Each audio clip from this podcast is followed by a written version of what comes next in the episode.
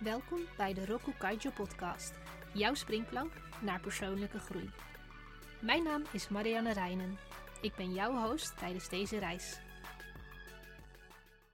Wat een week. Het was weer eens druk op werk. Helemaal uitgeput kom je thuis en je ploft neer op de bank. Je denkt na, eigenlijk zou je nog zoveel andere dingen willen doen. Nieuwe dingen uitproberen, maar je hebt er echt de puf niet voor. En nu al helemaal niet. Je laat de cafetaria eten bezorgen, besluit te gaan binge-watchen en rolt ergens in de nacht je bed in.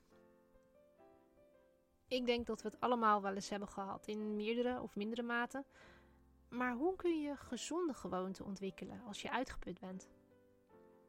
Het klinkt misschien cliché, maar de volgende drie basisbehoeften komen in beeld als we uitgeput zijn: slaap, voeding en beweging. 1. Slaap. Om productief te zijn is het belangrijk niet harder te duwen, maar minder te duwen.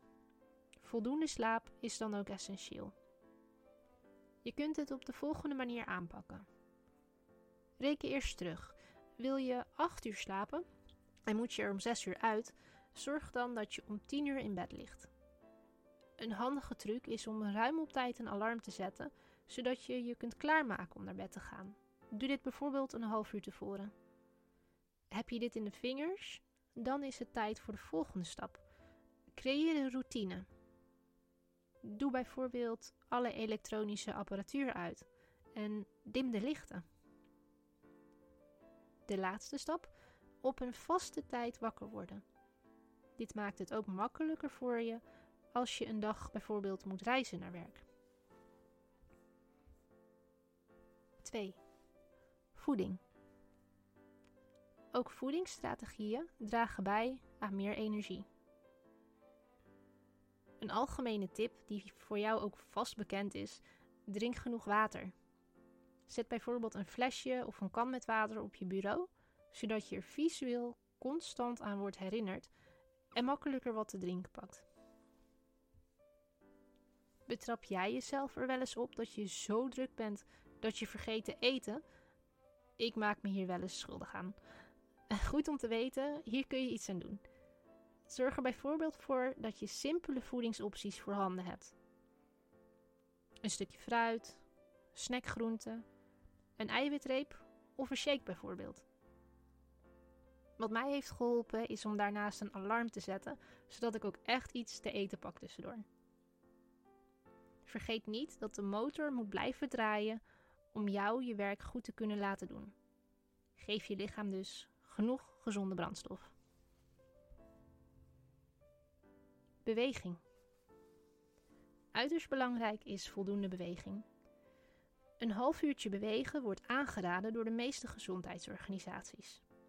De vorm is voor iedereen anders. Sommigen hebben baat bij hardlopen. Anderen wandelen graag een flink stuk en weer anderen gaan helemaal los met gewichten. Een aanrader, spreek met jezelf een paar vaste momenten af om ook echt te gaan bewegen. Heb je je slaap, voeding en beweging onder controle? Nu je in de basis voldoende energie hebt, is er tijd, ruimte en draagvlak om aan een nieuwe gewoonte te werken. Roku Kaijo's weektip. Beweging. Kun jij genieten van elke dag een rondje wandelen? Vind je het heerlijk om in de sportschool naar een groepsles bodypump te gaan? Of word je helemaal enthousiast van hardlopen met een paar vrienden? Of gooi je graag met gewichten? Het is voor iedereen anders. Doe vooral wat je leuk vindt. Anders maak je het voor jezelf lastig een routine op te bouwen.